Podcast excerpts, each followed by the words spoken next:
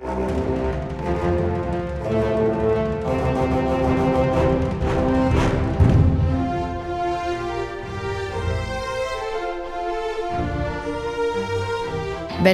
til Frankrike forklart, en podkast der du får svar på alt du lurer på om Frankrike.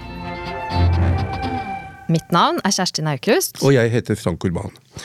I denne utgaven av Frankrike forklart skal vi følge opp rettssaken for attentatene i Paris fra november 2015, som begynte i september 2021 og ble avsluttet 29. juni 2022. Hva slags dom fikk gjerningsmennene, blant dem den eneste overlevende fra massakrene i Paris, Salah Ableslam? Hvordan reagerte det franske samfunnet på domsavsigelsen? I hvilken grad preget rettssaken presidentvalgkampen? Vi skal også snakke om rettssaken mot gjerningsmannen bak attentatet i NIS i juli 2016, som begynner 5. Eh. Hvordan er det i det hele tatt å leve i et samfunn hvor den ene terrorsaken avløser den andre? Den som skal hjelpe oss med å svare på disse spørsmålene, er Vibeke Knop Raslin. Velkommen. Takk. Vibeke er eh, frilansjournalist og forfatter. Hun bor i Paris og har jobbet i flere tiår med fransk politikk.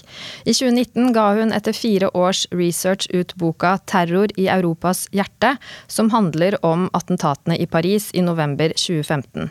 Hun har vært gjest i denne podkasten en rekke ganger, og vi er veldig glad for å få henne tilbake. Vibeke, vi skal ikke be deg eh, nå presentere denne rettssaken for eh, attentatene fra 2015 og, og, selve hva som skjedde under disse attentatene, fordi det har vi allerede snakket om i en tidligere episode. Jeg henviser til den. Den het 'Hva er århundrets rettssak i Frankrike?' var fra 24. oktober 2021. Men denne rettssaken den eh, ble altså nettopp avrundet 29.6 eh, i år, etter å ha vart i hele ti måneder. Kan du forklare våre lyttere hvorfor den varte så lenge? Det var først og fremst et spørsmål om eh, antall personer. Det var jo 130 personer som ble drept og um, minst 500 som ble såret. Og det ble faktisk uh, mye større ringvirkninger enn den, fordi det var et uh, forskningsinstitutt som fant ut at hver niende franskmann hadde en eller annen tilknytning til de attentatene. Såpass. Så derfor angikk den på en måte alle. Det er nå én ting, men så hadde jo da alle disse, uh, både de fornærmede og de Eh, tiltalte hadde jo hver sin advokat, og av og til flere advokater. Og så var det dommerkollegiet som var eh, Fordi det er en spesiell uh, rettssal når det er terror, og, det, og, da er det bare profesjonelle dommere. Og så var det jo en hærskare med journalister der, så de må, måtte faktisk bygge en egen sal for å kunne huse alle disse menneskene. Så den varte i utrolig lang tid. Eh, men i, i, juni så kom det mot slutten, og påtalemyndigheten eh, brukte to og en halv dag for å fremme sine krav. Eh, Forsvaret for sin side brukte to uker på å besvare anklagelsene. Hvis vi ser litt nærmere på det, Hva slags dom krevde landets nasjonale påtalemyndighet for antiterrorisme? altså Den heter Parquet National Antiterrorist. Altså, hva, hva krevde de i utgangspunktet? I utgangspunktet så krevde de for uh, flere av de som var tiltalt, uh, den aller strengeste straffen, eller eventuelt uh, en som var nesten like streng. Vi må jo ikke glemme at seks av de tiltalte var antatt døde og stilte ikke i rettssaken. Men eh, de ble likevel tiltalt og dømt, fordi det hadde de ikke blitt eh, tidligere. Og mm, det var jo eh, det aller verste attentatet, eller de verste attentatene Frankrike har opplevd så langt. Og mm, da var det jo klart at eh, det måtte bli veldig strenge straffer, og det ble det. Hva, hva er strengeste straff i Frankrike? Den aller strengeste er øh, livsvarig. Og så er det uten noen som helst mulighet til å uh, bli løslatt på prøve, uh, eventuelt. Er det det som kalles uh, a perpetuity? Mm. Ja. Mm. Perpetuité incompressible. Incompressible, mm. altså uten mulighet, som du, som du, sier, til å slippe ut, mm. nemlig. Det er jo mange ofre og etterlatte, som du var inne på etter, etter terroren i 2015. I hvilken grad vil du si at eh, ofrene og deres familier ble ivaretatt gjennom denne rettssaken og gjennom disse eh, kravene fra påtalemyndighetene? Det var helt eksepsjonelt i denne rettssaken. De ble ikke bare tatt vare på, men de ble hørt. De fikk vitne. Den ene offeret etter det andre. Det varte, hvis ikke jeg husker feil, så varte det i fem uker. Bare med at ofrene Bare og bare, det var ikke bare, for det var eh, For oss som satt eh, og hørte på, så var det helt uh, ulidelig. Det var sånn at vi nesten ikke klarte det. Og og det, det, var liksom første gang. Og, og, jeg hørte en veldig, veldig rutinert eh, advokat si at det var egentlig helt på jordet. Fordi at um, det ville i så fall sette en slags uh, presedens for kommende rettssaker. Og tenk om det da ble enda flere ofre, og det skulle vare enda lenger. Men så skjedde det noe mot slutten som var ganske eksepsjonelt, det også. I det hele tatt så var nesten alt ved denne rettssaken eksepsjonelt. Og det var at de fornærmedes advokater slo seg sammen. Og flere holdt da sine prosedyrer sammen for å la ofrene få mest mulig tid, taletid. Du, du, snakket om at det var en første gang hvis man ser litt på tidligere rettssaker, eh, så, eh, så eh, vil du si at, at, det har vært en kultur tidligere som gjorde et poeng av at man skulle ikke blande følelser sammen med rettssaken. Man skulle holde seg til fakta, og at hva, hva på en måte ofrene eller etterlatte følte, det skulle være tatt hensyn til, men det skulle ikke bli en sentral del av rettssaken, i, i, i, motsetning til det, det, det var tilfellet den gangen. Det er riktig. Og uh, det var jo mange som mente at uh, det kanskje var litt feil denne gangen. Fordi når du kommer så langt som til rettssaken, så er det jo uh, i dette tilfellet da den franske staten, pluss selvfølgelig alle de fornærmede, som anlegger sak mot navngitte tiltalte. Og det er det egentlig rettssaken skal handle om. Så det var, det var, en diskusjon rundt dette. Det ble det. Var du selv til stede i rettssalen? Jeg var selv til stede, ikke hver dag. Det, I ni måneder, det kunne jeg ikke. Men mm. Eh, jeg var der eh, rett som det var, ja. Hvordan opplevde du å høre disse vitnesbyrdene fra Jeg syns det var, som jeg nevnte, av og til veldig vanskelig. Fordi det var så detaljert, og det var så sterkt. Og de, du kunne se at de gjenopplevde det de hadde vært gjennom. Og jeg syns noe av det aller vanskeligste var når det gjaldt barn. Og det var jo flere barn som faktisk vitnet i rettssalen. Hvis man ser på domsavsigelsen, eh, de aller fleste franske medier de omtalte den som streng, men eh, globalt sett ganske rettferdig. Eh, vi snakker her om dom mot eh, gjerningsmennene som direkte eller indirekte bisto terroristene fra 13.11.2015, og ikke minst om den eneste medlemmet av kommandoen som ennå er i live, Salah Abdeslam. Kan du ta oss gjennom dommene? Vi, vi så hva, hva, hva, man forventet i utgangspunktet, men føler du på en måte at disse forventningene ble oppfylt, eller, eller fikk man mildere dommer? Nei og nei, man fikk strengere dommer. Han fikk, øh, ikke minst Salah Abdeslam, fikk jo den strengeste dommen av alle, som vi var inne på i sted. Og da ble det helt taust i rettssalen. Altså, det var liksom sånn Det kom tross alt som en overraskelse at han skulle få så streng straff. Hvorfor det? Fordi at uh, det er jo, jeg mener, selv om du har begått den aller mest forferdelige forbrytelsen, så skal du vel kanskje levnes et bitte lite håp om at du kanskje kan komme ut en dag. Jeg vet ikke hva du sier, Frank, du har jo jobbet mye i fengsler og med tiltalte, men, men jeg tror nok altså han ble, han ble helt taus. Jeg tror ikke han hadde ventet seg det.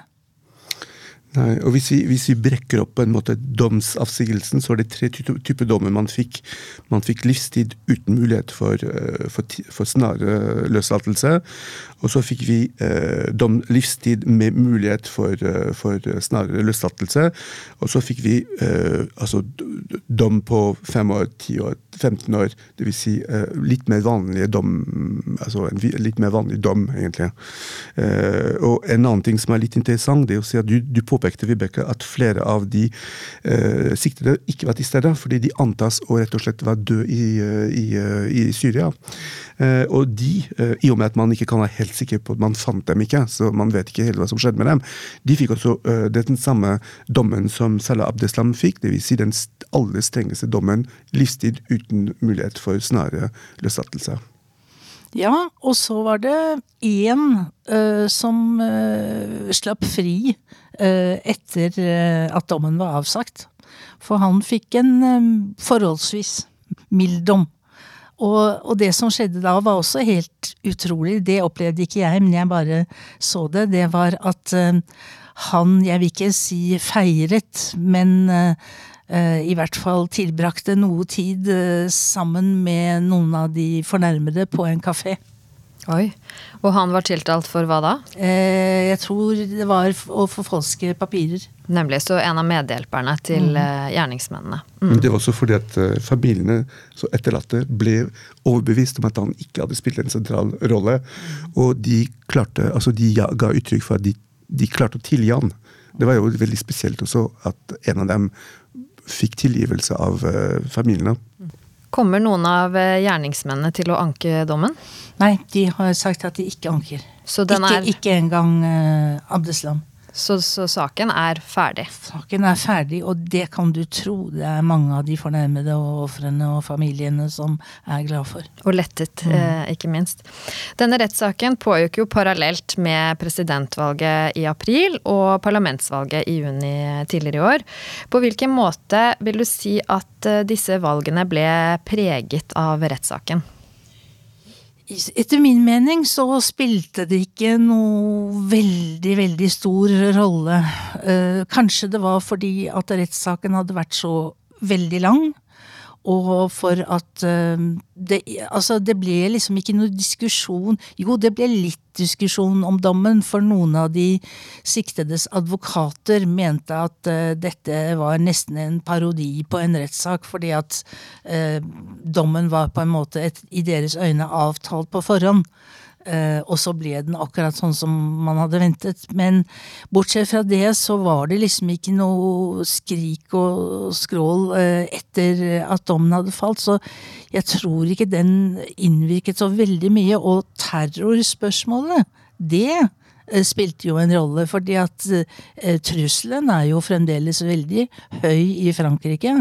Og um, man kan si hva man vil om nåværende innenriksminister, men han har ikke gjort jobben så dårlig, så det var vel kanskje mange som syntes det var greit hvis han fikk fortsette, da. Det er én ting som skjedde, og det er én ting som ikke skjedde. Det som skjedde, var jo uh, Ukraina-krigen. Sånn du fikk flytta fokus fra andre temaer som kunne vært eh, dominerende i valgkampen.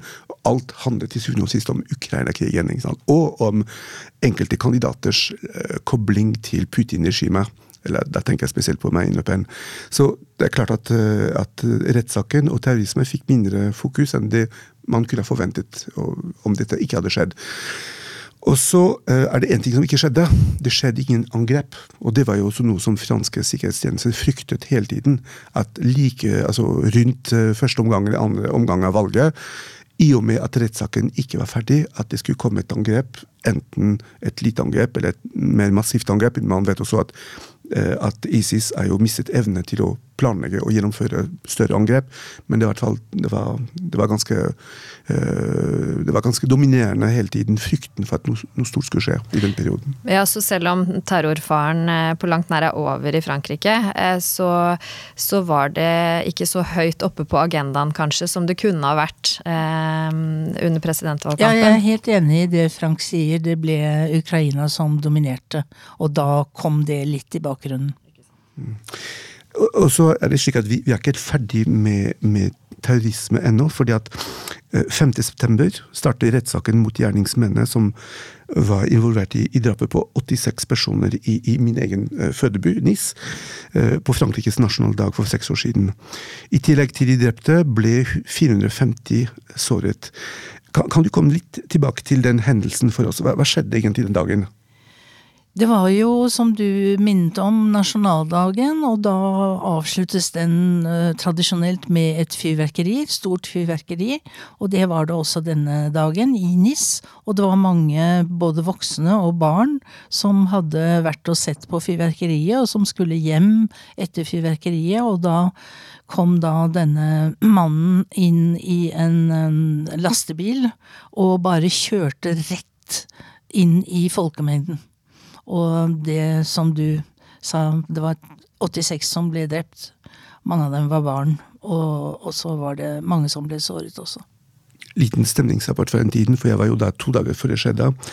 Det var jo at dette skjedde rett etter EM i fotball. Og frykten hele tiden var at det skulle bli et angrep mot en av, eh, av kampene. ikke sant? Eh, litt av en påminnelse av attentatet i 2015, november, november, 2015. Så det skjedde ingen angrep under, under EM, og dermed så følte man at alle kunne slappe litt mer av. Og så kom nasjonaldagen, og bang, der kom mm, dette, dette massive eh, angrepet.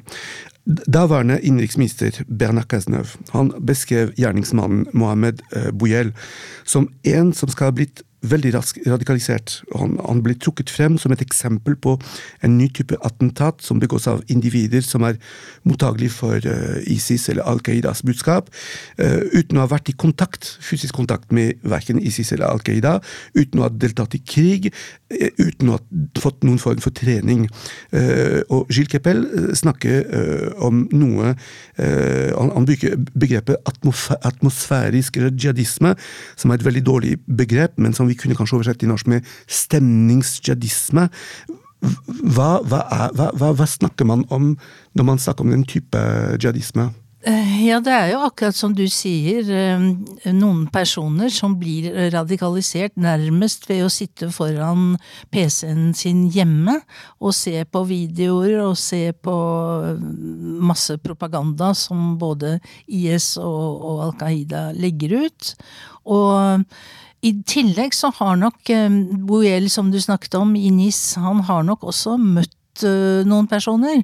For det må, vi ikke må glemme, er at selv om det ikke var noen som helst kontakt med dem, så var det jo en veldig kjent islamist, Omar Omsen, som bodde i NIS, og som var veldig aktiv med å radikalisere. Så det er ikke helt umulig at uh, han kan ha radikalisert noen som da uh, denne personen har møtt senere. Mm. Ja, de, de, to viktigste nettverkene for rekruttering var nord for Paris og Côte d'Azur-området. Men, men, det er ganske interessant å sammenligne attentatet i Paris og attentatet i Nice, for det, det, er på en måte koblet sammen, fordi det handler om jihadisme, det handler om, altså, om voldelig islamisme, samtidig som, som, det er to ulike typer uh, jihadisme, for den ene stammer jo fra, fra en organisasjon, altså enten ISIS eller Al Qaida, og den andre er mer hva skal man si, den er, mer, den er mer individuell, den er mindre Spontan. Den er, den er mer spontan, ikke sant. Mm. Denne gjerningspersonen som kjørte en lastebil inn i folkemassen, eh, han ble drept av politiet samme kveld. Men eh, det er åtte personer som står nå eh, tiltalt for medvirkning. Hva er de siktet for? Ja, det er det samme, det er det samme som i Paris-rettssaken. Vil si at de har medvirket til at han fikk gjennomført attentatet. Det er blant annet svogeren hans som eh, er en av personene. Og, og, i større eller mindre grad så har de eh, bidratt på en eller annen måte. Det er en, en, av dem som har skaffet ham våpen. Jeg mener det behøver ikke være så veldig voldsomt aktiv deltakelse, men de har deltatt på en eller annen måte. Og igjen er det veldig viktig å gjennomføre rettssaken selv om ikke hovedpersonen Eh, er eh, levende lenger. Mm. Og Hva slags dom risikerer disse som står på tiltalebenken? Kanskje ikke fullt så streng straff som i Paris, fordi det viser seg at han i NIS han opererte mest alene, tross alt. Så i Paris var det jo en organisasjon. Og det var jo ikke et hvilket som helst attentat. Det er det eneste attentatet i Europa som IS har planlagt, forberedt, gjennomført fra A til Å.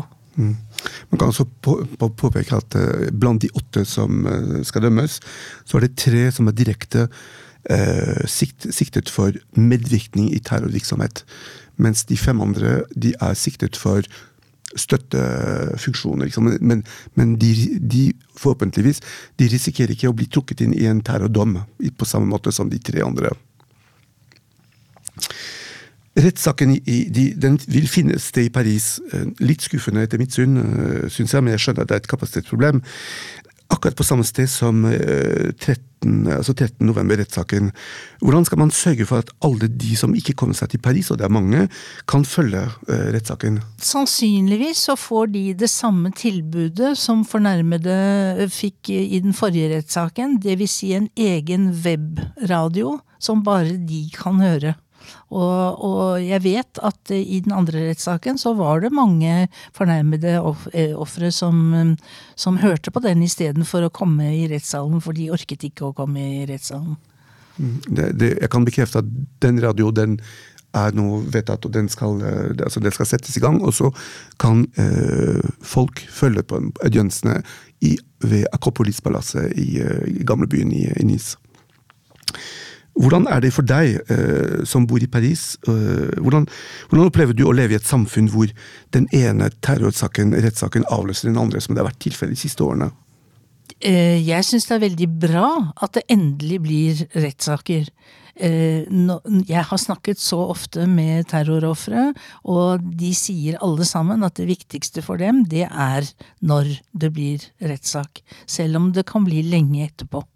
Men for mitt vedkommende så er det ikke så mye at det kommer den ene rettssaken etter den andre, men det er mer at det er fremdeles så mange angrep. For vi må ikke glemme at selv om de nå er i heldigvis mye mindre omfang, så fortsetter de. Og Eh, for eksempel nå som er eh, som skolene skal begynne igjen, så vet jeg at det er veldig mange lærere som ofte tenker på Samuel Paty, læreren som ble myrdet fordi han viste karikaturtegningene. Eh, Mohammed-tegningene. Og, og, og, de er redde de, de, tør rett og slett ikke å, å, å, vise sånne tegninger eller gjøre noe som er kontroversielt lenger, og det syns jeg er tragisk. På slutten av hver episode ber vi vår gjest om å komme med en fransk eh, anbefaling. Hva er din anbefaling til våre lyttere, Vibeke? Jeg tar faktisk en bloody chance fordi at jeg skal anbefale en film jeg ikke har sett ennå, som heter November. Og grunnen til at jeg tør å anbefale den, er at den ikke er en remake, kan du si, av attentatene, men at den omtaler øh, etterforskningen i de første dagene etter angrepene, og det, det tror jeg er veldig eh, bra og interessant. Og så er det jo eh, han som er en av Frankrikes største skuespillere nå, Jean Dujardin, som skal spille hovedrollen. Takk. Frank, har du også en liten anbefaling? Det har jeg, eh, Kjerstin. Filmen, Regissøren i filmen det er jo Cedric eh, han som lagde Bacnor, eh, forresten. Så det ble en skikkelig actionfilm. Jo, jeg har en anbefaling. Jeg sliter litt med å spasere på Promenade des Anglais i Nice uten å tenke på det som skjedde for seks år siden. Noen som har skrevet om det, er Thierry Vimal. Han mistet sin egen datter eh, Ami, som var tolv år, i Nis eh, for seks år siden. Og for å lindre smerten eh, vitner han i romanform om hvordan ofrene lever, eller overlever, etter terroren. Hans bok eh, forteller historien om, historien om, Emilio, som er 14 år og som mistet sin far i et terrorangrep. Boken heter Au titre des souffrances endurées. Den kom ut i januar 2022 eh, hos forlaget Cherche Midi. Takk for det. Da gjenstår det bare å takke vår gjest Vibeke Knop Raslin. Så høres vi igjen i neste episode av Frankrike forklart. Au revoir! Frankrike forklart er et samarbeid mellom Universitetet i Oslo og Høgskolen i Østfold. Podkasten er støttet av Det norske universitetssenteret i Paris og Institut Francais i Oslo, og har full redaksjonell frihet.